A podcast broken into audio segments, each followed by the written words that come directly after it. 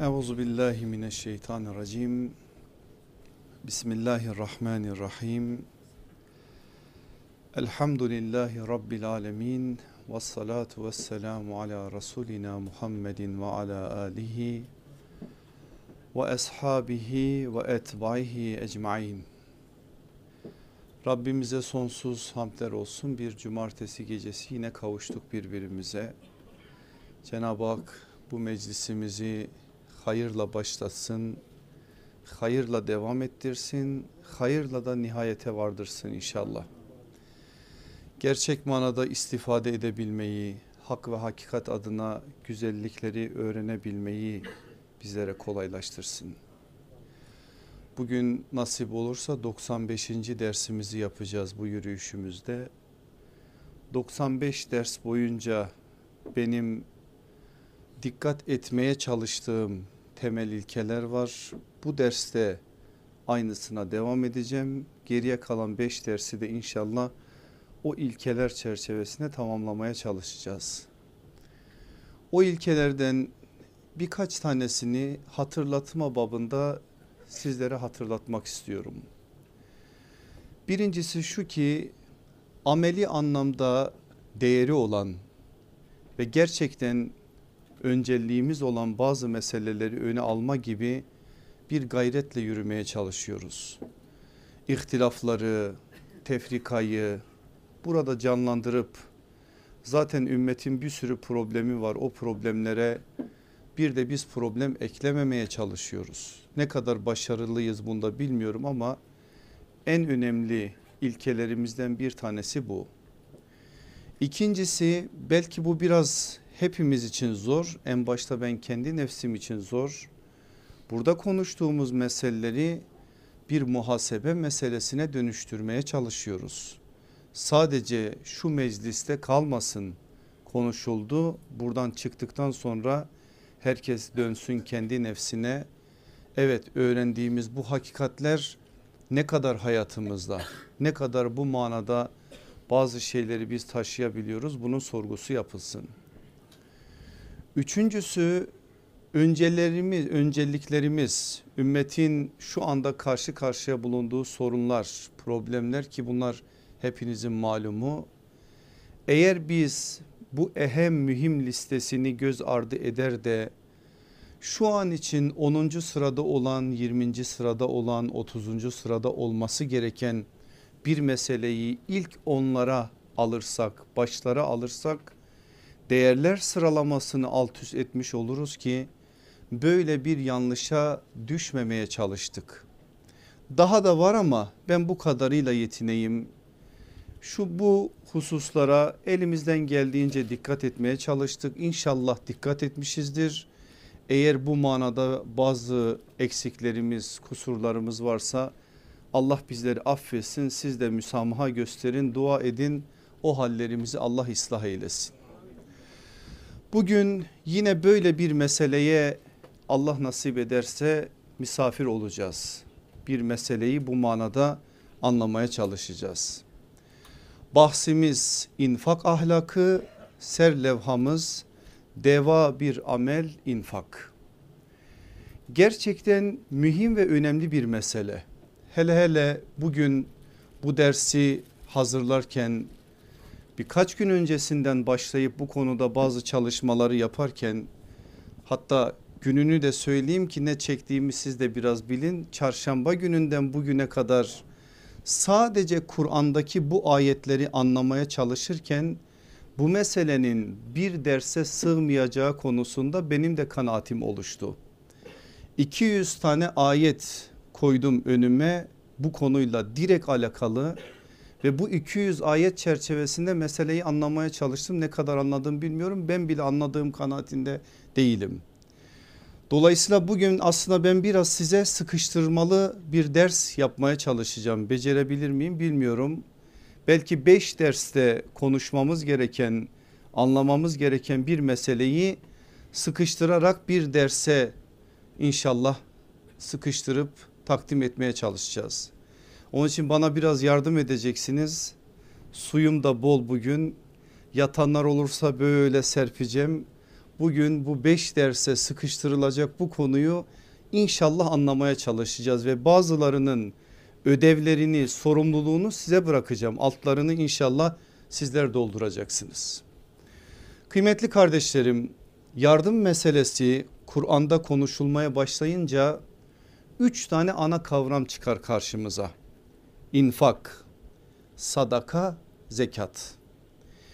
Bu üç kavramın birbirleriyle elbette ki çok yakından bağları var. Ama dikkat ettiyseniz ana kavram dedim. Alt kavramlarda var mı Kur'an'da bu konuyla alakalı? Elbette ki var. Mesela ihsan kavramı yine bu meseleyle alakadar olarak Kur'an'da kullanılır. Bir kavramı aynı şekilde garz ya da kart kavramı ya da kısme bütün bunlar yine yardımla alakadar olarak karşımızda durur Kur'an'ın o güzel kavramlar ve kelimeleri çerçevesinde. Biz üç ana kavramı anlamaya çalışırsak zekatı biliyoruz. İslam'ın beş temel şartından bir tanesidir ve mali yükümlülüktür. Allah'ın bu manada Müslümanlardan istediği olmazsa olmaz bir esas olarak karşımızda duran mali anlamda bizim sırtımıza yüklenmiş olan nisap miktarlarıyla, süreleriyle, fıkıyla her türlü şeyle de aleyhissalatü vesselam Efendimiz tarafından beyan edilen bu kadar önemli bir fıkı olan bir mesele. Bunu zaten biliyor, biliyoruz. Sadaka nafile zekattır aslında. Yani bir yönüyle birinde yükümlülük var birinde gönüllülük var. Dolayısıyla sadakayı zekat dışı yapılan hayırlar olarak anlamamız da mümkündür. İnfak ise iki görüş var bu konuda ki ikisini de söyleyeceğim. Bir konuda bir görüşe göre çatı kavramdır. Yani infak üstedir altta sadaka ve zekat vardır. Ancak Kur'an'da sadaka kavramının zekat içinde kullanıldığını gördüğümüz zaman bu görüşü kabul etmemize engel bir durum ortaya çıkıyor. Çünkü bazen ayetler sadaka derken direkt zekatı kastediyor. O halde biz aslında sadaka kavramını çatı kavram olarak kabul edip altına infakı, zekatı ve biraz önce söylediğim diğer kavramları eklemek durumundayız. Hal böyle olunca biz infakı gönüllü hayır, zekatı ise bu manada yükümlülük olarak verilen hayır olarak anlamalıyız. Bunun dışında sadakayı da yine ayrıca bu manada verilen hayırların içerisinde bir sınıf olarak değerlendirmemiz gerekir. Ben şimdi size üç tane tanım vermek istiyorum. Bu mesele biraz daha zihnimize otursun diye. Zekat malın arındırılması ve bereketlenmesi için mallardaki Allah'ın bir hakkıdır ki bu tanıma bizi götürecek bazı şeyler de var. Zekat malın arındırılması ve bereketlenmesi için mallardaki Allah'ın bir hakkıdır. Sadaka imanın güçlenmesi ve istikrarı için mallardaki insanların bir hakkıdır. Sadakayı insan hakkı olarak görmemizin de yine sebepleri var. İmanın güçlenmesi ve istikrarı için mallardaki insanların bir hakkıdır. İnfaka gelince infak Allah'ın rızasını kazanmak ve sükunete ermek için verilen nimetlerin bir hakkıdır. Bu üç tane tanımı dikkate aldığımız zaman ki biz bu üç tane tanımı Kur'an'da bu ayetleri ayetlerin kullanımından çıkarıyoruz. Bu ayetler bağlamında meseleye baktığımız zaman biraz daha zihnimize oturuyor. İnfak ne demektir? Sadaka ne demektir? Zekat ne demektir? Bizim konumuz infak. Gelelim infaka. Sözlüklerde tükenmek, tamamlanmak, son bulmak manasındaki nefk kökünden türetilir infak kavramı. Ancak bitirmek, yok etmek, yoksul düşmek gibi anlamlara da gelir. Biraz daha bu manadaki manalara baktığınızda parayı ya da malı elden çıkarmak gibi anlamlar da görürsünüz. Ama sözlükler geniş geniş anlamlar verir. Bir anlamda şudur ağzına kadar doldurmak ağzına kadar boşaltmak. Bu nefk köküne böyle bir manada verilir ki bu manalara uygun bir biçimde Kur'an'da kullanıldığında görürsünüz.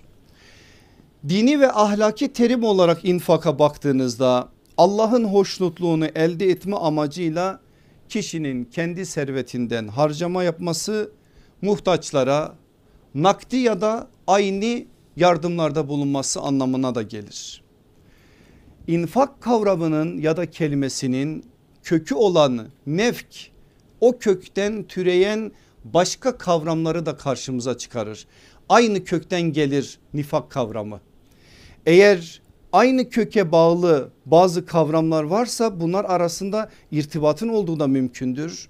Biz o irtibatı da görüyoruz. Aslında nefk ya da nefak, nefeka Arap dilinde köstebeğin yolu, köstebeğin yuvasına ulaşmak için toprağın altında kazdığı yol anlamındadır. Çağdaş Arapçada biliyorsunuz nefak tünel anlamına gelir. Tabi nifakla infakın aynı kökten gelmesi de birbirleriyle olan bağı da gösterir. Eğer siz nifakı zehir olarak algılarsanız ki öyle algılamanız lazım. O zaman infak onun panzehiridir. Eğer nifak hastalıksa infak onun ilacıdır, devasıdır. Eğer nifak farklı bir biçimde insanda sorun ortaya çıkarıyorsa ki nasıl bir sorun çıkardığını hepiniz çok iyi biliyorsunuz. Aslında infak o sorunlar izale edilmesinin en önemli vesilesidir. Tabi köprü yol bunları dedik buradan da bir tanım elde edebiliriz en azından onu da ortaya koymamız gerekir. O nedir? İnfak fakirin muhtacın gönlüne ve dünyasına girebilmenin en önemli yolu. Yakınlaşmanın en isabetli köprüsü ve yürekten yüreğe kurulan manevi bir tüneldir. Böyle bir tanımı da bu kavramların anlamlarının üzerinden çıkarabiliriz. Ama şunu hiçbir zaman unutmayın ki ona vurgular gelecek şimdi. Eğer bir yürekte bir kalpte nifak kökleşmişse oraya infakın girmesi çok zordur. Eğer bir yerde infak varsa oraya nifakın girmesi zordur. Çünkü bu ikisi bir arada olmaz. Biri geldiği zaman birini ortadan kaldırır. Zaten biz aleyhissalatü vesselam efendimizin özellikle Medine döneminde yani nifakın artık kurumsal bir hale geldiği dönemde niçin kurumsal hale geldiğini geldiğini İbn Selül gibi nifakı tescillenmiş münafıkları hatırladığınız zaman anlayacaksınız. O dönemlerde ikide bir infaka vurgu yapması açık açık muhataplarını infaka davet etmesi ve bu konuda tabir caiz ise eğer adeta çırpınması onların yüreklerinde var olan nifakı gidermek içindir. Onun için deva bir amel diyoruz infak için burada deva olması ilaç olması hatırdan çıkmamalıdır. İki soru soralım. İnfak olmazsa ne olur? İnfak olursa ne olur? İnfak olmazsa ne olur? Eğer infak olmazsa nifak olur. Bunu öğrendik. Kur'an'da da açıkça bu söylenir Tevbe suresinin 54. ayetinde. İnfak olmazsa cimrilik olur. Çünkü infak yoksa orada cimrilik vardır. Buna da Kur'an vurguda bulunur. Bütün maddelerde var ama dediğim gibi çok ayrıntıya giremeyeceğiz. Mesela Tegabun suresinin 16. ayeti de bunu söyler. İnfak olmazsa eğer bencillik olur. Bir adamın eğer egosu şişmişse o adamın eli kolay kolay cebine gitmez. Aslında infakla o egosunu itidal çizgisine çekebilir bir insan. Onun için infak olmazsa bencillik olur diyoruz. Dördüncüsü bununla biraz alakadar infak olmazsa kibir olur. Buna da var mı Kur'an'da örnekler hem de ne biçim. Beşincisi infak olmazsa nankörlük olur. Altıncısı infak olmazsa şımarıklık olur. Yedincisi infak olmazsa uyumsuzluk olur. Eğer bir insan infaka alışmışsa bir cemaatin içerisinde bir grubun içerisinde yer edinebilir. Çünkü verdikçe bu manada bazı şeylere de kendisini alıştırır. Uyumsuzluk noktasında sıkıntıları olan insanların birçoğunun da aslında infak noktasında zafiyetleri var. Yedincisi mi oldu? Yedincisi infak olmazsa tamahkarlık olur. Sekizincisi infak olmazsa azgınlık olur. Sekiz değil dokuz. Onuncusu infak olmazsa zulüm olur. Bir daha hızlı bir biçimde okuyayım ben size not alanlar için. İnfak olmazsa nifak olur, cimrilik olur, bencillik olur, kibir olur, nankörlük olur, şımarıklık olur, uyumsuzluk olur, tamahkarlık olur, azgınlık olur, zulüm olur. İnfak olursa ne olur? Bunların zıtları olur. Onu zaten anladık. Onları tekrar etmeye gerek yok. Başka vurguları nazarımıza veriyor Kur'an'ımız. Biz de o vurgulara dikkat çekmemiz lazım. İnfak olursa eğer iman olur. En başta bunu konuşacağız. Ahirete iman etmemiş bir insanın Allah adına ve Allah namına bir şeylerden vazgeçmesi, gözden çıkarması, vermesi mümkün değil. Evet bazıları belki ahirete iman noktasında zafiyet taşır ve küçük küçük yardımlarda bulunabilirler. Ama Kur'an'ın övdüğü ve biraz sonra ahlakını öğreneceğimiz o ahlak çerçevesinde bize takdim ettiği infak sadece ve sadece mümin insanın işidir. Bir insan gerçek manada mümin olursa bu manada infak hayatında olur. İnfakın olması da imana işaret eder. İkincisi infak olursa İsar olur. İsar neydi? Yaşamak için yaşamak değil yaşatmak için yaşamaktı. Haşr suresinin 9. ayeti de doğrudan bunu nazara verir. Kendisi için yaşamayı unutur. Zaten infak kahramanı oldu mu bir insan olacağı budur. Bir insan infak noktasında bazı şeyleri hayatına taşıdığı zaman bazen kendi nefsini unutacak kadar başkalarının saadeti adına seferber olur. Zaten Haşr suresinin 7 9. ayetinin naziline sebep olarak gösterilen hadiseyi de hatırlamanız lazım. Bazı rivayetlerde gelen misafir Ebu Hureyre'dir. Bazı rivayetlerde isim yoktur. Hadi biz Ebu Hureyre diyelim. Geliyor ilk geldiği günler Allah Resulü aleyhissalatü vesselam haber gönderiyor. Evine hücre-i saadete misafir var evde bir şey var mı? Peygamber evinde bir şey yok. Ensara söylüyor bir misafirimiz var kim götürür evine? Ebu Talha alıyor götürüyor evine. Hanımı Ümmü Süleym'dir. Ne var evde diyor sadece bizim yiyeceğimiz yiyecek var diyor. O halde kandili söndür. Çocukları erkenden yatır. Biz o karanlıkta sanki yemek yiyormuşuz gibi yapalım. Misafirimiz bizim yediğimizi zannetsin ama o doyuncaya kadar bizim olan o yemeği yesin. Yani biz aç kalalım o yesin ve çocuklar da o gün aç yatsın. İsar budur işte ve böyle yapılır. Sabahında varıldığı zaman Mescid-i Nebevi'ye Haşr suresinin 9. ayeti peygamber sallallahu aleyhi ve sellemin mübarek dilindedir. Onun için infak varsa burada İsar vardır diyoruz. Üçüncüsü infak olursa eğer denge olur. Bu denge nedir? Toplum içerisinde uçurum olmaz.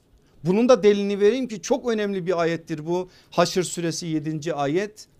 İnfak olursa eğer devlet te dönüşmez sermaye birilerinin elinde sermaye mülk sadece devlete dönüşüp onların elinde kalmaz yani tekelleşmez. Paylaşarak bu manada toplumsal anlamda bir denge kurulur. Onun için infak olursa denge olur diyoruz. İnfak olursa saadet olur. Bugün toplumsal saadetin önündeki en büyük engel aziz kardeşlerim faizdir. Ama faizle harp etmenin yolu sağda solda bağırıp çağırmak değildir. Sadece buralardan kürsülerden faiz haramdır. Bunu yapan Allah ve Resulüne savaş açmıştır demek de değildir. faizle savaşmanın en önemli yolu infak kültürünün o toplumda yayılmasıdır. Eğer biz toplumsal anlamda faizi hayatımızdan çıkarmak istiyorsak yapacağımız şey karzı haseni diriltmektir. Birbirimizle yardımlaşmaktır. Bu manada el uzatmaktır, infak etmektir. Bu konuda ihsanı, yardımlaşmayı aramızda oluşturmaktır. Bunu yapmadığın zaman adam mecbur kalıp faize bulaşacak. O mecburiyetinin karşılığını Allah'a karşı ödeyecek o ayrı bir mesele. Ama biz eğer saadet istiyorsak o saadeti elde edebilmemiz için ne yapmamız lazım? İnfakı diriltmemiz lazım. Onun için diyoruz infak olursa saadet olur. İnfak olursa merhamet olur. İnfak olursa azim olur. Bakın etrafınıza kendinize de bakın. Eğer Allah için bir şeyde infakta bulunmuşsanız o gün işinize daha farklı sarılıyorsunuz. Allah için bir şey vaat ettiniz mesela diyelim ki dediniz ki ben şunu yapacağım. Gayrete geliyorsunuz. Sizin verdiğiniz o infak size azim oluyor gayret oluyor çalışma noktasında farklı bir mutluluğu saadeti size tattırıyor. Onun için infak olursa azim olur. İnfak olursa bereket olur. Nasıl olacağını bildiğiniz için girmeyeceğim. İnfak olursa özgürlük olur. İnfak ya yoksa kölelik vardır. Hatırlayın aleyhissalatü vesselamın o dehşet ifadelerini Abdü dinar diyor. Ey dinarın kulları. Abdü dirhem diyor. Dirheme kul olanlar. Kadifeye kul olanlar elbiseye, üniformaya kul olanlar Allah Resulü aleyhissalatü vesselam Allah'a kul olmayı yani Abdullah olmayı birisinin kaçırdığı zaman nelere kul olacağını öylece ortaya koyuyor. Onun için diyoruz infak varsa özgürlük vardır. Çünkü senin olanı sen elden çıkarabilirsin. Eğer mal sana sahip olmuşsa sen o malı veremezsin. Ama sen malın sahibiysen sen o malı verebilirsin. İşte burada özgür müsün değil misin? Malın gerçekten hakimi misin mahkumun musun? Mal mı sana hakim sen mi mala hakimsin? Onun ortaya çıkacağı en güzel yol infaktır. İnfakı olan birisi bunu ortaya koymuş olur. İnfak olursa ihsan olur. Burada kasıt ne? Sebe suresinin 39. ayeti. Siz her neyi Allah için infak ederseniz Allah onun yerine başkasını hem de daha iyisini size verir ki nasıl verdiğini birazdan göreceğiz. O rızık verenlerin en hayırlısıdır. Allah'tan ihsan görmenin en önemli vesilesidir aslında infak. Sonuncusu da şu infak olursa mükafat olur. Bu mükafat nedir? Cennettir. Allah müminlerin canlarını ve mallarını cennet karşılığında satın almıştır. Öyleyse eğer o satın almaya ulaşabilme adına o ticareti ortaya koyma adına yapılacak şey bellidir.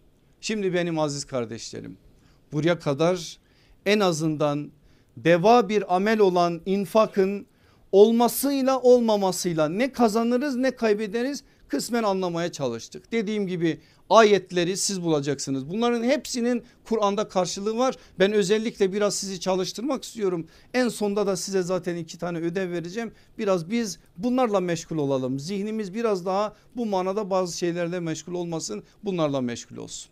Gelelim işin ahlak boyutuna. Her şeyin ahlakı var. Biz imanın ahlakı olduğunu da bu derslerde gördük. İnfakın da bir ahlakı var. O ahlaki esasları da Kur'an bize veriyor. Bazı yerlerde Allah Resulü aleyhissalatü vesselam çeşitli beyanlarıyla bize bu işi gösteriyor. Kur'an cemaati olan sahabenin uygulamalarının üzerinden de biz bu işin fiiliyata nasıl döküldüğünü görüyoruz. Elbette ki bunların hepsini burada işlememiz mümkün değil ama temel şeyleri öğreneceğiz burada. İnfak ahlakının birinci maddesi şu. İnfak sadece para ve eşyayla değil. Allah'ın insana verdiği her türlü rızık üzerinden yapılmalıdır. Bunu iyi anlayalım. İnfak zenginlik işi değildir. Sadece zenginlerin işi de değildir. Bir daha söylüyorum maddeyi. İnfak sadece para ve eşya ile değil Allah'ın insana verdiği her türlü rızık üzerinden yapılmalıdır. Demiyor mu Bakara suresinin ilk ayetlerinde ve mimma razaknahum yunfikun kendilerine verdiğimiz rızıklar üzerinden infak ederler. Peki rızık nedir? Allah'ın bize bahşettiği her şeydir. Rızığı, rızkı sadece mala indirgemeyin. İlim vermişse bu bir rızıktır. Kabiliyet adına ne vermişse bu bir rızıktır. Nimetleri sayın ki sayamayacaksınız. Her bir nimet rızıktır ve her rızık infakın ana konusudur. Hatırlar mısınız Bera İbni Malik'in şehadet adına arzusunu hangi serlevhada işledik burada? Yıllar oldu gerçi ama hatırlayalım. Rezzak olan Allah'tan rızık olarak şehadet isteyen bir yiğit. Demek ki şehadet arzusu da aslında bir rızık. Hem de rızıkların en güzeli. Hal öyleyse eğer bir Müslüman şöyle dönüp kendisine bakmalı. Allah bana ne verdi rızık olarak? Hiç kimseyi Allah er rezzaktır o rızıksız bırakmamıştır. Herkese bir başkasında olmayan özellikte rızıklar vermiştir hem de. Dolayısıyla biz dönüp kendimize baktığımız zaman bu manada bize verilenleri ortaya koyduğumuz an onların üzerinden de aslında infak edebileceğimizi unutmayız. Eğer verdiği malsa elbette ki maldan veririz. Eğer verdiği cansa ki can taşıyoruz o canın içerisinde her ne varsa onu da Allah yolunda infak etme adına gayret içerisinde oluruz. Bir insan doktordur. Bir insan mühendistir bir insan inanılmaz derecede tecrübe, tecrübe sahibidir. Mesela bir tecrübe sahibi insanın yanına gidip ondan fikir aldığınız zaman aslında verdiği o fikir size verdiği bir infaktır. Sayın bunları ne altına girmez ki bunun için. Bakın çok ilginç bir infak örneği anlatayım size. Allah Resulü aleyhissalatü vesselam Tebuk gazvesi sırasında teşvik etti insanları infaka. Sebebi neydi? Dedim en başta münafıklar var. O münafıkların içlerindeki nifak izale olsun diye durup durup Efendimiz cennet karşılığında zorluk ordusunu kim donatacak diyerek o manada insanları teşvik ediyor. Verenler veriyor bir de veremeyenler var. Kur'an'a da giren Bekkain diye bir sınıf var ağlayanlar.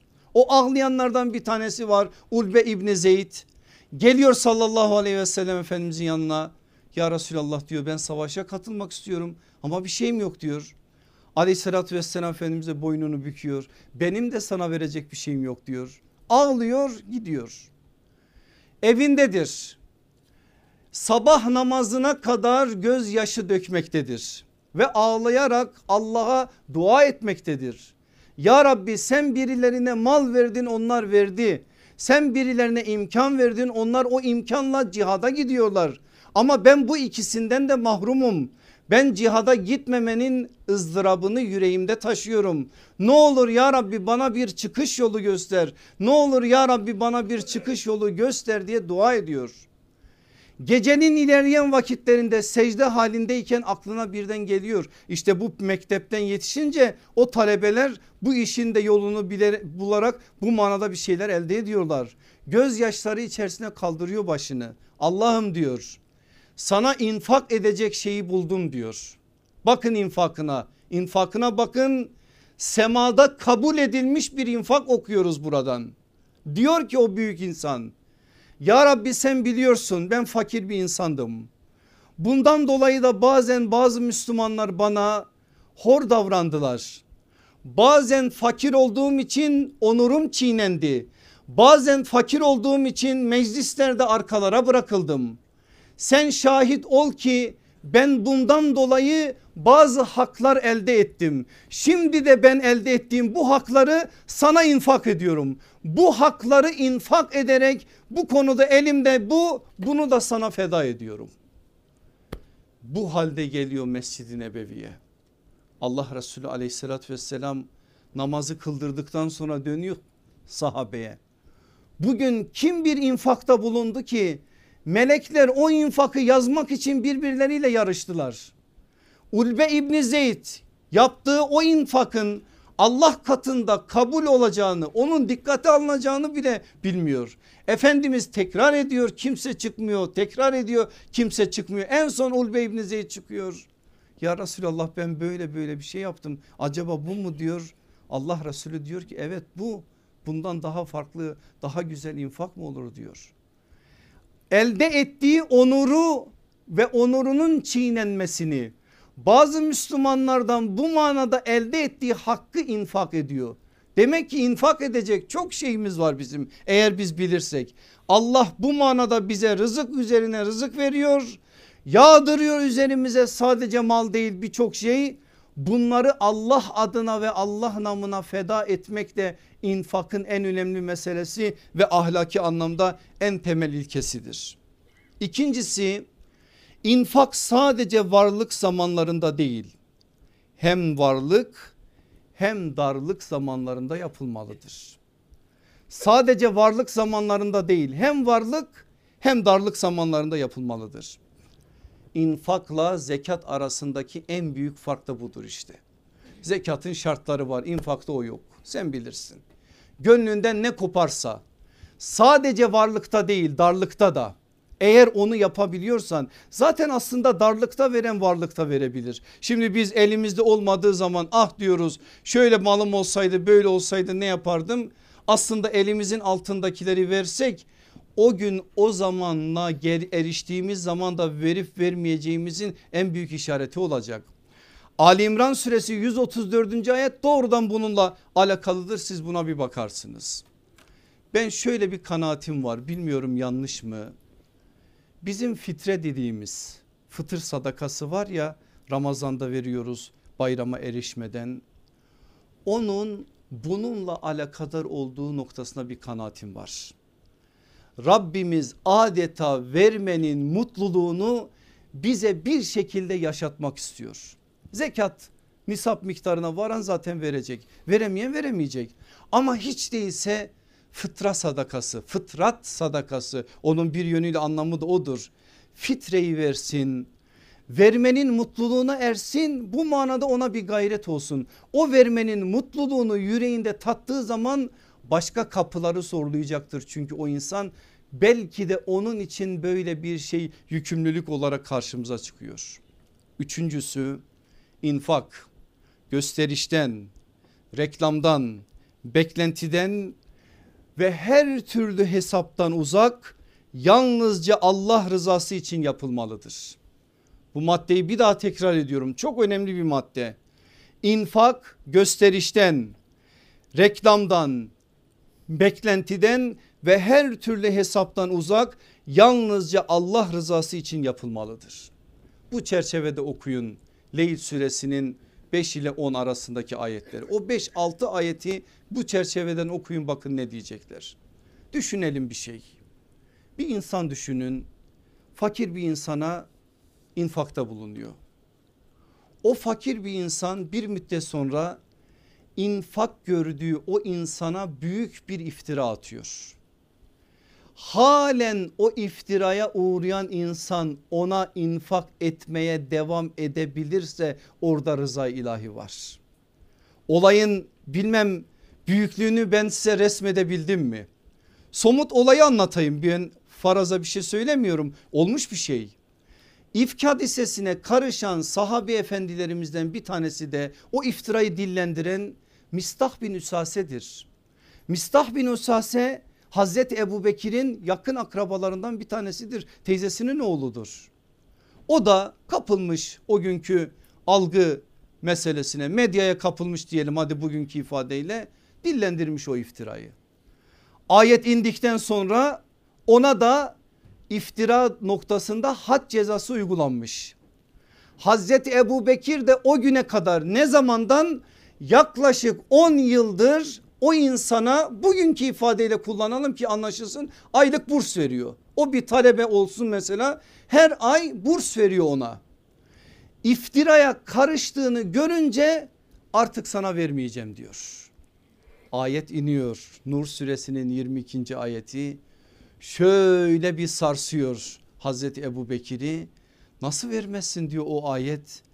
O ayet iner inmez Hazreti Ebu Bekir'in tavrı budur. Hazreti Ebu Bekir niye başımızın tacıdır? Niye sahabenin dibacesidir? Niye geçilmez birisidir? Siz buradan anlayın. Şimdiye kadar ne veriyordumsa bundan sonra iki katını vereceğim.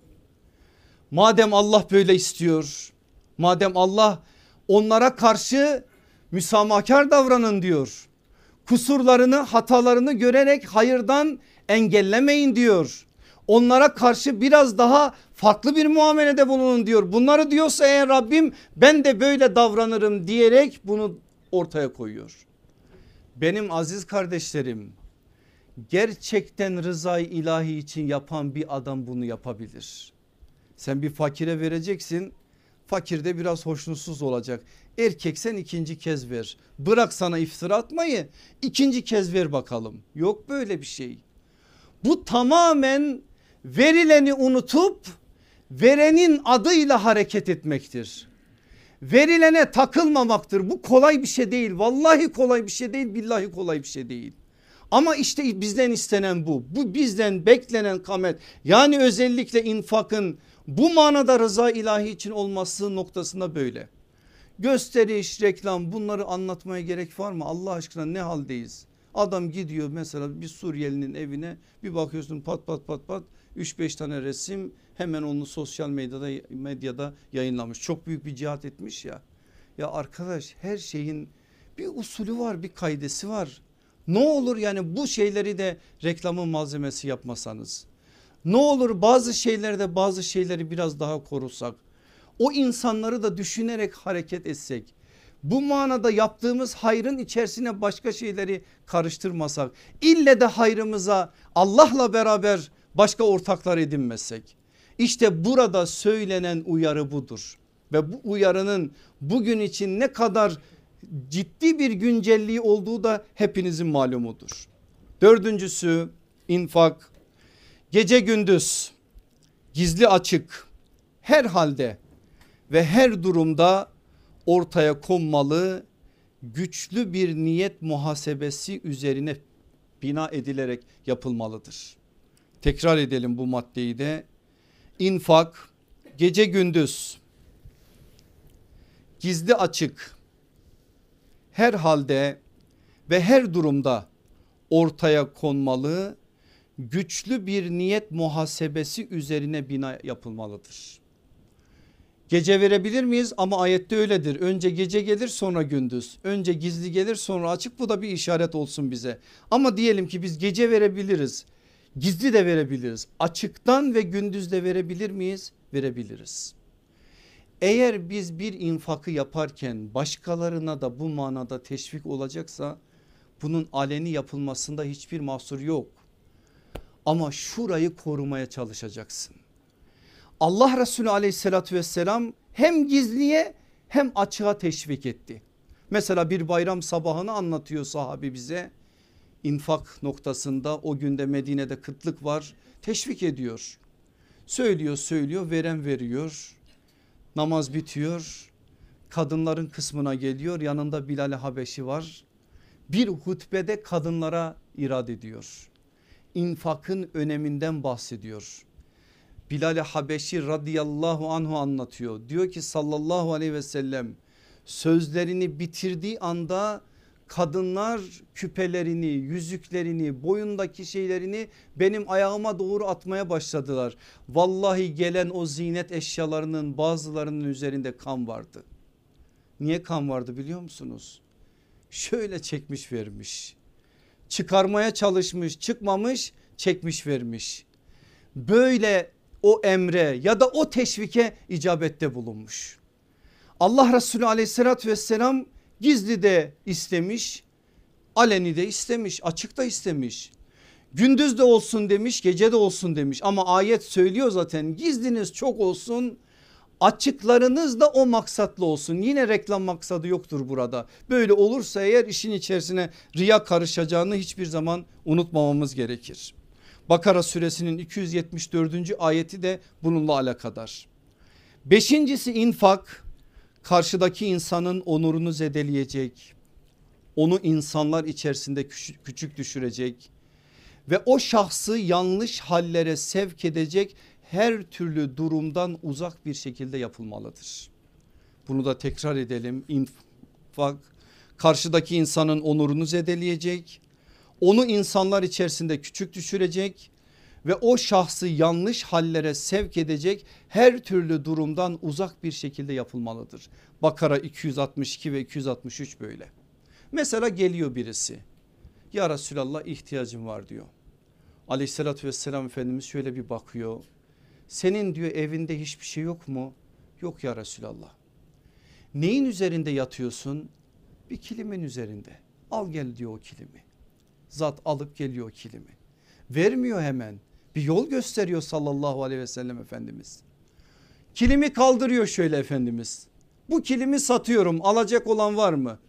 Sahabeden biri kalkıyor diyor ki ya Resulallah ben alırım ne kadara iki dirheme olmaz diyor beş dirheme olmaz diyor tabir caizse eğer açık arttırma yaptırıyor on dirheme satıyor. Alıyor o on dirhemi o sahabi efendimizin ellerine bırakırken git diyor. Buranın bu paranın bir miktarına kendine bir çapa al bir miktarıyla da ehline çocuklarına bir şeyler al. O çapayla da git tarlada bahçede bir şekilde çalış ve o çalışmanın karşılığında ailene nafakanı götür. Yani hep kullanılan bir söz var ya balık tutup vermiyor balık tutmayı öğretiyor. Evet biz bir sadaka medeniyetiyiz ama sadaka medeniyeti, medeniyeti olmak bizi sadaka toplumuna dönüştürmemeli. Böyle alışık pısırık bu işleri hep ondan bundan bekleyen böyle bir şey yok İslam medeniyetinde. Öncelikle vermenin ne kadar önemli olduğu o toplumdaki insanlara anlatılır. Sonra almanın aslında ne kadar zor olduğu anlatılır ve bu manada aslında sağlıklı bir toplum oluşturma adına bir adım atılır. Burada bu ölçü var ama bir ölçü daha var verdin diyelim. Ezme adamı onun şahsiyetini ayaklar altına alma. Toplum içerisinde onu küçük düşürme. Mümkün mertebe bu işi gizli yap. İmam Zeynel Abidin'in bu konuda çok güzel bir şeyi var. Vefat ettiği zaman 2-3 gün sonra Medine'de bir sarsıntı oldu. Toplum sarsıldı yani. Niye? Her gece kapılarına fakirlerin çuvallar bırakılırdı. 2-3 gündür yok. Anladılar ki o çuvalı bırakanlar İmam Zeynel Abidin. Onu yıkayan insan sırtında bir nasır görüyor. O nasrın da insanlara bir şeyler taşırken orada bıraktığı izden kaynaklandığı anlaşılıyor. Böyle peygamber torunudur İmam Zeynel Abidin. Dolayısıyla böyle olmalı ama bir taraftan da insanların şahsiyetinin korunması adına adımlar da atılmalı. Altıncısı infak gözden çıkarılmış ve değerini kaybetmiş mallardan değil en iyi ve en kaliteli mallardan seçilerek yapılmalıdır. Bir daha söyleyelim infak gözden çıkarılmış ve değerini kaybetmiş mallardan değil en iyi ve en kaliteli mallardan seçilerek yapılmalıdır. Bakara 267 yine bunun delilidir. Ey iman edenler kazandıklarınızın iyilerinden ve rızık olarak yerden size çıkardıklarımızdan hayra harcayın yani infak edin. Şimdi biz Kur'an'da Maide suresinde bir infak örneği okuyoruz. Hazreti Adem'in iki oğlu Habil ile Kabil. Kabil'in infakını da biliyorsunuz Habil'in infakını da biliyorsunuz detaylara girmeyelim. Allah aşkına sorgulayalım kendimizi. İyilerden mi veriyoruz gözden çıkardıklarımızdan mı veriyoruz? Habilce konuşuyoruz ama kabilce davranıyoruz. Çoğu zaman bizim infakımızın konusu evden attığımız eşyalardır. Yeni eşyalar aldık eskiler ne olacak o da hayrımıza bir vakfa gitsin bir derneğe gitsin. Tamam güzel buna da diyecek bir şey yok ama her zaman böyle olmaz ki. Niye bir gün biz Suriyelilere bir şey gönderirken o gün kendimize aldığımız bir takım elbiseyi bir gömleği açılmamış artık şişmanlamışız bize olmayanı ya da hafif eksi, eskiyenleri onları değil. O gün aldık biz de biz o gün onu giyeceğiz onun içinde heveslendik. Böyle bir infakımız yok. İşte bu ilkeyi bu ahlaki esası bilmediğimiz için. Eğer bunu bilseydik bilmiyorum Nasrettin Hoca'ya iftira mıdır öyle bir şey söyleniyor. Hadi onun adına söylendiği için biz de söyleyelim. Dökülmüş yoğurda bakıp da bu da babamın hayrı olsun demez demeyiz. Dökülen yoğurt babanın hayrı olsa ne olur? Sen dökülmeden o yoğurdu verebilirsen buradaki ilkeye uygun davranmışsın.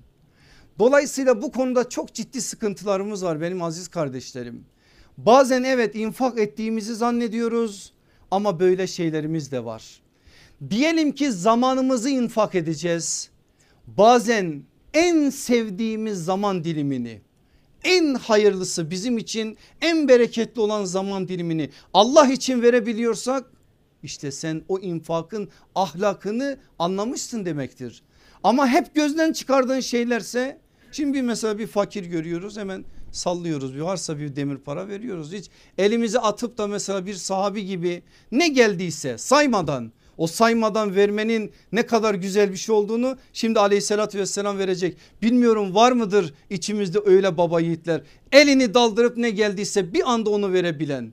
İşte bunu yaparsak eğer bu manada infakın ilkesine uygun davranmış oluruz.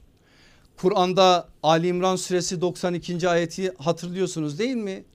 Sevdiğiniz şeylerden Allah yolunda infak etmedikçe bire iyiliğe müfessirlerimizin isabetli yorumu kamil imana erişemezsiniz.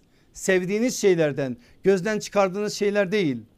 Bu ayet nazil olduğu zaman işte Ebu Talha radıyallahu anh'ı adını andık bir daha analım. O çok büyük bir insan bir ruhad isimli o bahçesini ki Medine'nin en güzel bahçelerinden biridir. Allah yolunda infak ediyor. Zeyd bin Harise Sebre isimli bir atı var. Ayeti duyar duymaz o atı almış gelmiş. Abdullah İbni Ömer Hazreti Ömer'in oğlu Mercane isimli bir hizmetlisi var. Ben bunu seviyorum Allah böyle dedi ben bunu infak ediyorum diyor. Yıllar sonra geliyor Ömer İbni Abdülaziz şöyle cepleri şeker dolu gezer Ömer İbni Abdülaziz. Bazıları merak eder sorarlar derler ki ya niye millete şeker dağıtıyorsun? Para dağıt en azından bir şekilde onlar o parayı kullansınlar. Allah para dağıtın demiyor ki burada sevdiğiniz şeylerden infak edin diyor. Ben de şekeri seviyorum onu infak ediyorum diyor. Nasıl doğru anlamış? Nasıl doğru anladığını yaşama adına adımlar atmış siz bunun üzerinden bakın meseleye. Neyi seviyorsanız herkesin sevdiği bir şey vardır. Sevdiği çok şey vardır bir şey de değil. Onların Allah yolunda infakı adına bizim üzerimize bir şey yükler. Bu ilke ve bu ilkenin Kur'an'ı dayanağı olan bu ayetler. Yedincisi infak hak edeni iyice tespit edilerek bazen öncelik sırası gözetilerek gerçek ihtiyaç sahipleri isabetli bir şekilde ortaya konularak yapılmalıdır. Bir daha söylüyorum infak hak edeni iyice tespit edilerek bazen öncelik sırası gözetilerek gerçek ihtiyaç sahipleri isabetli bir şekilde ortaya konularak yapılmalıdır. Allah aşkına bunun da hadis süresindeki 10. ayet bunun delili bu okuyun. Oradaki ayetin verdiği mesajın üzerinde biraz durun. Ben somut bir şey söyleyeceğim. Mesela infak, zekat yakınlardan başlanır uzaklara doğru. O ölçü budur. Ama buradaki bu ilke bu ahlaki esas bir hakikati bizim nazarımıza veriyor. Şimdi senin yakınlarında zekata muhtaç biri var. Bu insan fakir öyle olmasa zaten zekata muhtaç olmaz. Ama çok çok daha fakir. Zarurati çok çok daha ihtiyaç sahibi biri sana ulaştığı zaman o önceliği ona verebilirsin. Bir felaket olmuştur mesela o felakete maruz kalmış insanlar olmuştur. Bu manada önceliği ona verebilirsin. Bu ümmetin şu anda sıkıntıları vardır. O sıkıntılar çerçevesinde bazı şeyler biraz daha öne gelmiştir. Bunu öne alabilirsin. Hep bir yol tutturdun o yoldan gideceksin diye bir şey yok. Burada bakacaksın öncelik sırası neyse ehemmiyet neyse nasıl oluşacaksa ona göre sen de kendine uygun bir biçimde bir ehemmiyet sırası belirleyeceksin. Sekizincisi infak. İnsanın kendi eliyle ve iradesiyle ortaya konmalı. başkalarını ve varislerini sıkıntıya düşürmeden yapılmalıdır. Önemli bir ilkedir bu da Bakara 195'i bu çerçeveden okuyalım. İnfak insanın kendi eliyle ve iradesiyle ortaya konmalı. Başkalarını ve varislerini sıkıntıya düşürmeden yapılmalıdır. Vasiyet var mı? Var. Yapabilir de bir insan. Ama en güzeli insanın kendi eliyle bunu yapması. Şimdi sen vermiyorsun çünkü vermek zor iş. Vefatına yakın mallarını paylaştırırken de halen vermiyorsun. Diyorsun ki ben öldükten sonra şunu da şuraya ver, verin diyorsun. Ya vermezlerse çocukların sen onları niye bu sıkıntıya sokasın? Kendi elinle ver kendi yaptığını. Hazreti Osman için ne dediler biliyor musunuz tarih tarihçiler? Iskatını kendi elleriyle ödedi. O kadar ödedi o kadar ödedi özellikle zorluk ordusunda adeta günahlarının kefaretini günah işlediklerini hepsini ödedi işlemediklerini de ödedi ki Allah Resulü aleyhissalatü vesselam onun için bundan sonra Osman'a bir sorumluluk yoktur dedi. Bu nedir biliyor musunuz öyle büyük işler yaptı ki Osman radıyallahu anhu bundan sonra zaten bu, bu manada o çizgiyi aşağıya düşürecek bir şey yapmayacaktır. Böyle bir ahlaki ilke bizim de infak ahlakında esasımız olmalı. Dokuzuncusu infak şeytanın telkinlerine kapılmadan Allah'ın vaadini elde etmek için her türlü zorluğuna katlanarak yapılmalıdır. İnfak şeytanın telkinlerine kapılmadan Allah'ın vaadini elde etmek için her türlü zorluğuna katlanarak yapılmalıdır. İnfak kolay bir şey değil benim aziz kardeşlerim. Vermediğimiz için veremediğimiz için biz bunu çok iyi biliriz. Derler ya cebinde akrep var aynen öyledir akrep vardır insan elini çoğu zaman götüremez. Zaten acıtırsa o infaktır. Vereceksin mesela bir şeyi o gece uykun kaçacak ulan ben ne yaptım diyeceksin. O gece yatamazsan eğer gerçek manada sen infakta bulunmuşsun demektir. Ondan sonra onun mutluluğunu yaşayacaksın sen. Sadece gözden çıkardıklarını verirsen böyle bir şey olmaz zaten. Dolayısıyla şeytan seni fakirlikle korkutacak. Nasıl verdin? Nasıl yaptın? Nasıl ettin? Zorlayıp duracak seni. Bakara suresi 268. ayeti okuyun göreceksiniz. Dostlar seni senin kınayacak. Düşmanlar seninle alay edecek. Çünkü mal canın yongasıdır. Yonga ne demek biliyor musunuz? Vücuttan kopan parçadır. İnfak böyledir yani. Ha böyle bir etinden bir parça kopmuş ha da sen ha, ya da sen bir şekilde o malından bir parçayı alıp vermişsin. Acıtır yani. Gerçek manada infak acıtır. İşte sen bu ilkeye bağlı kalırsan eğer o acıması bir müddet sonra sana farklı bir güzelliğe dönüşür tat almaya başlarsın. Peki burada ara bir soru soralım. İsraf olur mu infakta? Olur. Eğer sen çoluk çocuğunun nafakasını aksatırsan, eğer sen asli mükellefiyetlerine engel olacak durumlar yaparsan, eğer sen doğru yerleri doğru şekilde tespit etmez de başına iş açacak adımlar atarsan infakta da israf olur. Kur'an ona da dikkat çeker. Dolayısıyla burada söylenen o değil. Doğru yerde doğru zamanda senin aslında sana yüklenen ve, ve Cenab-ı Hakk'ın sana verdiği rızıklar çerçevesinde yaptığın infaktan bahsediyoruz. Gelelim onuncusu ve sonuncusu sonuncu maddeye. İnfak müminin Allah ile yaptığı bir ticaret olduğunu unutmamalı. Bütün bir hayatı bu ticaretin hukukuna uygun bir şekilde düzenleyerek yapılmalıdır. İnfak müminin Allah ile yaptığı bir ticaret olduğu unutulmamalı. Allah müminlerden canlarını ve mallarını cennet karşılığında satın almıştır ayeti bununla alakalı. Bütün bir hayatı bu ticaretin hukukuna uygun bir şekilde düzenleyerek yapmalıdır. Sen eğer bu ticareti Allah'la yaptığının şuurundaysan farkındaysan yapman gereken şey her ticaretin bir hukuku var Allah'la yapılan bu ticaretin de bir hukuku var. Buna uygun bir biçimde davranmaktır. Cenab-ı Hak hepimize böyle bir ufuk, böyle bir bilinç, böyle bir şuur nasip eylesin. Şimdi aziz kardeşlerim biraz meseleyi somutlaştıralım. Biraz böyle hastalıklarımızdan da bahsedelim.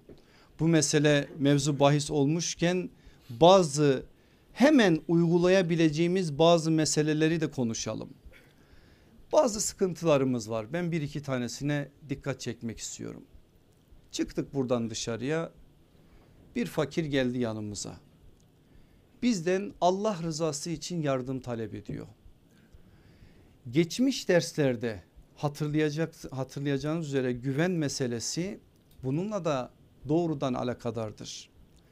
Hemen aklımıza güven noktasında bazı şüpheler geliyor. Acaba gerçekten bu fakir gerçekten fakir mi?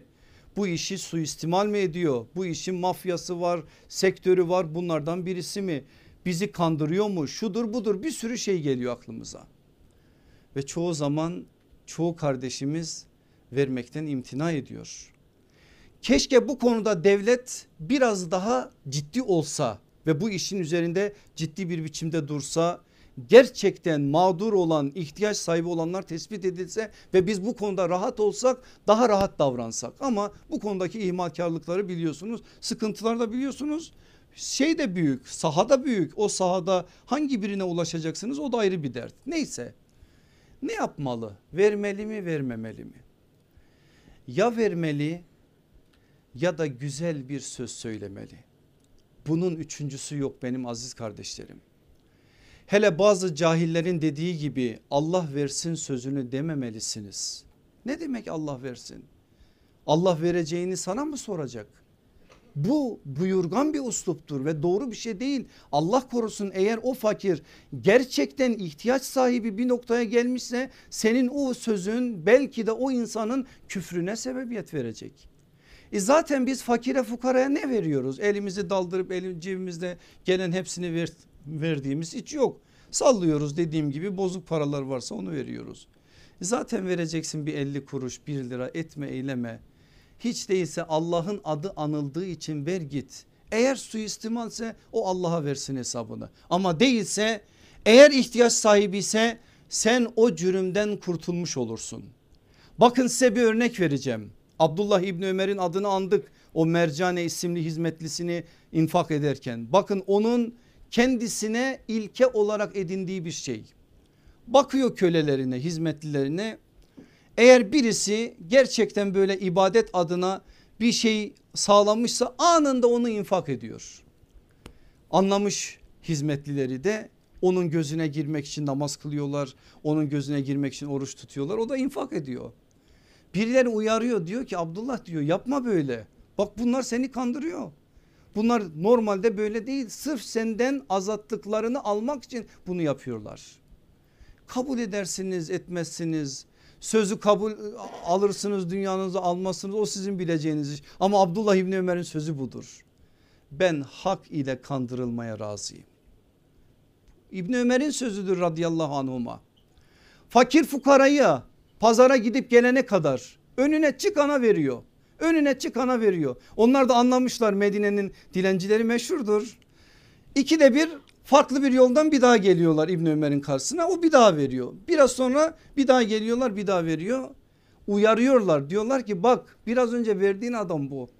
Bu adam senin bu özelliğini bildiği için veriyor. İbni Ömer'in dediği söz aynı sözdür. Allah rızası için elini açan bir insana ben nasıl yok diyebilirim? Allah'ın adını kullandı. Ben o eli nasıl boş çevirebilirim diyor. İster o eli İbn Ömer gibi dolu gönderirsiniz. İsterseniz de o eli güzel bir sözle artık ne söyleyecekseniz bozuğum mu yok dersiniz bir başka sefere mi dersiniz ne derseniz bilmem ama güzel bir sözle gönlünü alan bir sözle o insanı göndermelisiniz. Bu meselenin önemli bir ayağı bizim için de önemli bu manada. İkincisi benim aziz kardeşlerim bu sarsılan güven duygusu öyle bir noktaya getirdi ki bizim memleketimizi son 4-5 senedir bilmiyorum siz bu sözlerime ne diyeceksiniz? Türkiye'de hayır damarı kurumuştur. Kimse bu manada hayır adına istenilen şeyi yapmıyor. Ha niye yapmıyorsun diye sorduğunda Hazır kandırıldık şöyle oldu böyle oldu. Falancalara verdik başımıza şunlar geldi. Filancalara verdik şu oldu öyleyse vermeyelim. Böyle bir şey yok benim aziz kardeşlerim hiç kimse kusura bakmasın. Eğer sen Allah rızası için birilerine verdinse gerçekten rıza ilahi için ama ben pek de öyle olduğu kanaatinde değilim. Şimdi söyleyeceğim yine başıma iş açacağım ama söyleyeyim. Diyelim ki verdim birine kurban Allah rızasıydı sözde öyle ama özde o kurban isteyen dershanede senin oğlunun hocasıydı. Biraz daha oğlunla ilgilensin diye verdin. O himmet toplantılarına rıza ilahi için gittin öyle söylüyorsun. Ama arkasında aslında orada bir sosyal çevre edinmek için gittin. Falanca filancanın isteklerini boş çevirmedin. Rıza ilahi için yaptığını söyledin. Ama aslında onlarla bir bağ olsun diye verdin. Dolayısıyla sen o infaklarının hepsine aslında başka bir şey de bulaştırdın. Alır mısın karşılığını almaz mısın? O Rabbimizin bileceği bir şey. Ama burada eğer gerçekten rıza ilahi için verdinse ve kandırıldınsa öyle düşünüyorsun öyle düşündüğünün üzerinden konuşalım. Senin için bir sıkıntı yok. Sen vermişsin ecrini de alacaksın. Ama değilse başka bir şeyler bulaştırdınsa kusura bakma havanı alırsın. Söylüyor Müslim'de geçen hadis gel diyor münfik Allah yolunda infak etmiş. Ne diyor? Sevap umuyor. Rabbimiz ne diyor? Git diyor. Benim için değildi. Falanca filanca için yaptın. Buna ortak koştun git ondan al ecrini deyip ona havale ediyor. Dolayısıyla burada toplumda şu anda sarsılan güven duygusunu bahane ederek infak noktasında geri duran arkadaşlara kardeşlere ben uyarıda bulunuyorum. Hiç kusura bakmayın bu işin yolu bu değil. Burada iki tarafa da seslemek istiyorum madem söz buraya geldi. Şimdi benim aziz kardeşlerim bir toplumda güven duygusu sarsılmışsa cemaatlere, vakıflara, derneklere düşen çok büyük bir sorumluluk vardır. Ne yapar yapar o vakfın başındaki adam, içindeki adam, dışındaki adam neyse gönüllü adam gider pazarda mal satar şunu yapar bunu yapar. Güven duygusu bir daha tesis edilene kadar kimseden bir şey istemez. Şu isteme meselesini biz bir kere oturup ciddi ciddi sorgulamamız lazım. Hele şu süreçte. İnsanlar bir yerlere gitmeye korkar oldular ya Allah aşkına bu olacak iş midir? Biz insanlara Allah'ın dinini mi tebliğ ediyoruz? Allah'ın dininin üzerinden ille de bize verin biz şunu yapalım bunu yapalım mı diyoruz? Allah bize şu kadar iş yapma noktasında bir şey beklemiyor. Bizim böyle bir yükümlülüğümüz de yok. Şu İslam'ı hele tebliğ ve davet meselesini el açma meselesi olarak görmekten görülmekten bütün kurumlar İslami kurumlar cemaatler bu manada ciddi bir biçimde düşünmeli ve bundan kurtulmalı. Cemaatlere ben bunu söylüyorum. E, halka da ehli himmete de bir şey söylüyorum. Allah aşkına siz de istemeden verin de istemeden vermeyi öğrenin ya. Niye istemeden vermeyi bilmiyorsunuz? Yani ille de hayır adına birisi karşınıza çıksın sizden bir şey mi istesin? Şimdi hepimizin şikayet ettiği bir şey ben yine söyleyeyim size. Dedim ya somut şeyleri konuşacağız. Cuma'ya gittik. İmam efendi hutbede hutbeyi dinlemek farz. Ama bizimki cep telefonuyla oynuyor. Bizimki kaşınıyor, oturuyor, yatıyor. Kimse hutbede farz olduğunu ona söylememiş. O hutbenin aslında namaz gibi olduğunu bilmiyor. Neyse o ayrı bir mesele. Söyledi söyledi hutbeyi en sona geldi. Muhterem cemaat camimizin şu ihtiyacı var. Onun için dışarıda para toplanacak dedi. Hepimizin morali bozuldu. Ya yine başladılar. İkide bir hep aynı şey falan filan. Neyse çıktık dışarıya. Hacı amcalar tutmuş kapıyı. Ne verirsen seninle o gider. Ne verirsen elinle o gider seninle. Bağırıp bağırıp duruyorlar. Verdik vermedik her neyse. Şimdi şikayet ediyor muyuz bu durumdan? Ediyoruz. Doğru bir durum mu? Vallahi değil. Hele hutbede hiç değil. Hutbede bu iş asla dillendirilmemeli. E peki öyle de kardeşim sen gelmişsin 40 yaşına 30 yaşına 50 yaşına neyse elini vicdanına koy söyle bir gün olsun gidip namaz kıldığın caminin imamına ne ihtiyacın var diye sen sordun mu? Yok böyle bir şey yok. İlle zorla alacaklar bizden. Keşke şöyle bir kültür oluşsa bizde. Camilerimizde, vakıflarımızda, derneklerimizde her neyse. Yardım mı yapılacak? Bir yardım kasası olsa sandığı üzerine de yazılsa bu hafta şuraya gönderilecek. Ve kimse de bilmese ne attın ne verdin ne vermedin. Yok ama deneyelim mi isterseniz bir istendiği zaman olsun bir istenmediği zaman olsun. Bakalım istenmediği zaman ne kadar olacak istendiği zaman ne kadar olacak. Halimiz bu bizim. Şu istenmeden verme meselesini bizim öğrenmemiz lazım. Kimi bekliyorsunuz? Allah için değil mi? Eğer Allah içinse sen infakını çoğaltmaya bakacaksın.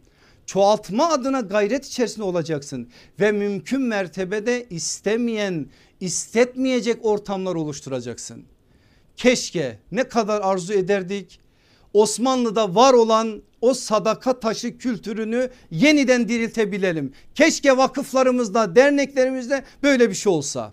Nasıl o sadaka taşı? Bir sadaka taşı var orada. Atan belli değil alan belli değil. Mesela falancanın ihtiyacı var gelir oradan alır gider.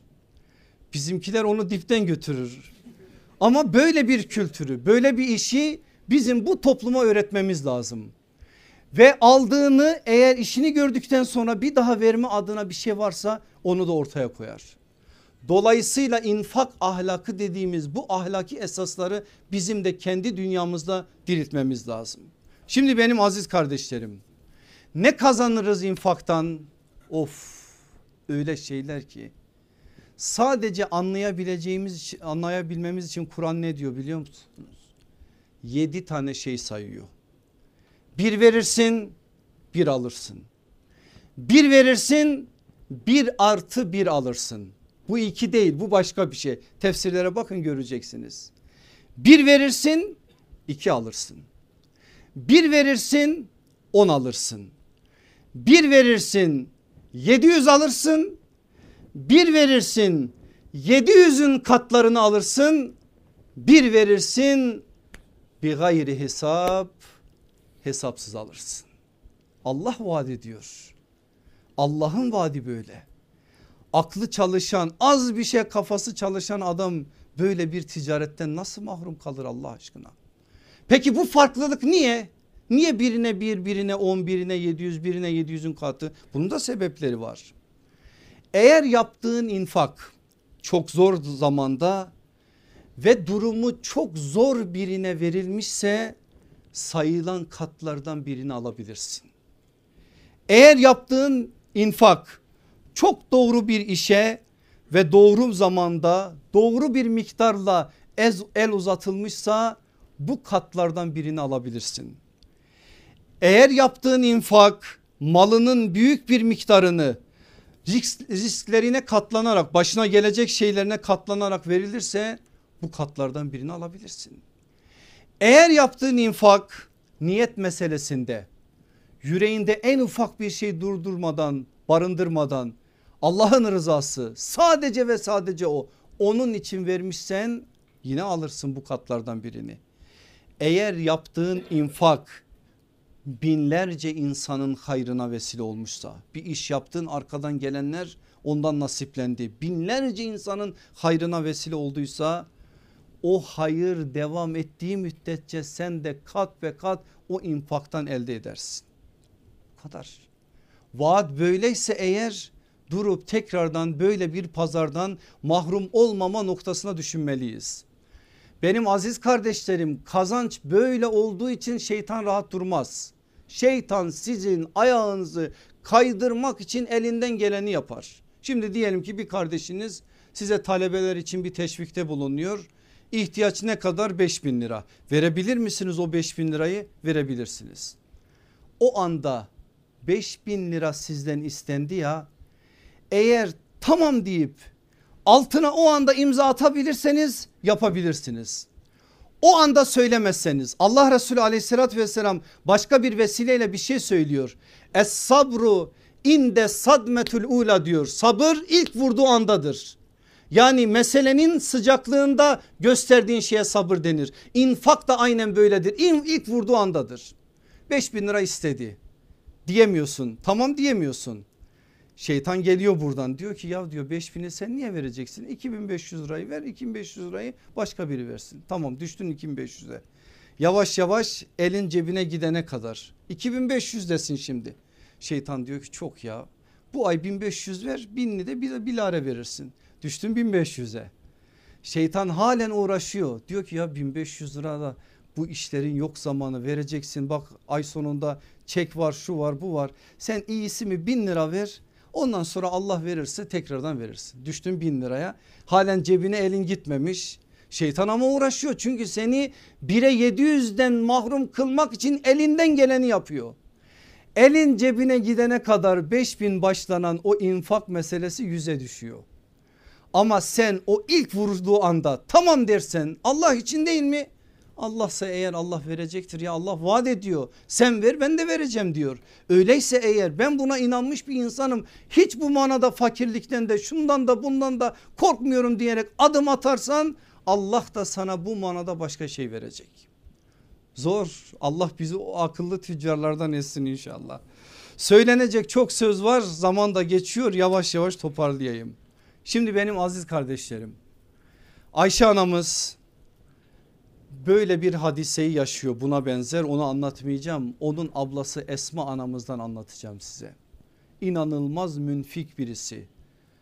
Allah yolunda infak etme noktasında hanımlar içerisinde de asr-ı saadette bambaşka birisi. Ama ne yapıyor? Geceden sayıyor. Şu kadar dirhem dinar neyse yarın vereceğim. Allah Resulü aleyhissalatü vesselam da görüyor saydığını. Ve diyor ki Esma diyor kesenin ağzını sıkma. Allah da sana yoksa sıkarak verir. Bir şey söylüyor orada. Bakın Müslim'de geçen o rivayet şöyledir. Ey Esma infak et sayıp durma. Allah da sana karşı nimetini yoksa sayar sayıp esirger. Paranı çömlekte saklama. Allah da yoksa senden saklar. Ya bazen bir iki defa da olsa şu mutluluğu yaşamamız lazım vallahi kardeşler. Yani şöyle saymadan acıtarak Allah için ama doğru yere doğru zamanda infak noktasında bazı adımlar atmamız lazım. Biz eğer bunu birkaç kez yaparsak var ya şu yüreğimizde bu işin mutluluğunu bir tatsak var ya bundan sonra artık kim tutar bizi? Bir bunun tadına varan adam durur mu? Ondan sonrası gelecektir. Allah bize o ufku kazandırsın inşallah. İnfakın Allah'a bakan yönü var. Kalbe bakan yönü var. Ruha bakan yönü var. Nefse bakan yönü var. Hayata bakan yönü var. Nedir bunlar? İnfakın Allah'a bakan yönü kulun şükrünü yerine getirmesidir. İnfakın kalbe bakan yönü kulun imanının kuvvetlenmesidir. İnfakın onunla çok ciddi irtibatı var. İnfakın ruha, ruha bakan yönü kulun takvayı tam anlamıyla kuşanmasıdır. İnfakın hayata bakan yönü kulun diğer kullara kardeşlik hukukunu tam anlamıyla tesis etmesidir. Allah bu beş tane farklı hukuku hakkı da bizlere tattırsın. Ne diyor biliyor musunuz sallallahu aleyhi ve sellem Efendimiz Ebu Hureyre naklediyor bize. Her Allah'ın günü iki melek semadan Allah tarafından yeryüzüne indirilir. O sağımızda solumuzda olan melekler değil onların işi ayrı. Ayrı ayrı melekler var bizim meleklerle hukukumuz çoktur onlar ayrı. Bu iki tane özel melek Allah her gün semadan indirir. Bunlardan biri Allah'ım malını verene yenisini ver diye dua eder. Bir melek kime dua ediyor? İnfak edene.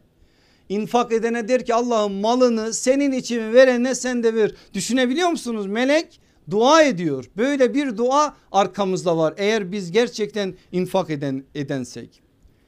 Diğeri de Allah'ım cimrilik edenin malını yok et diye beddua eder.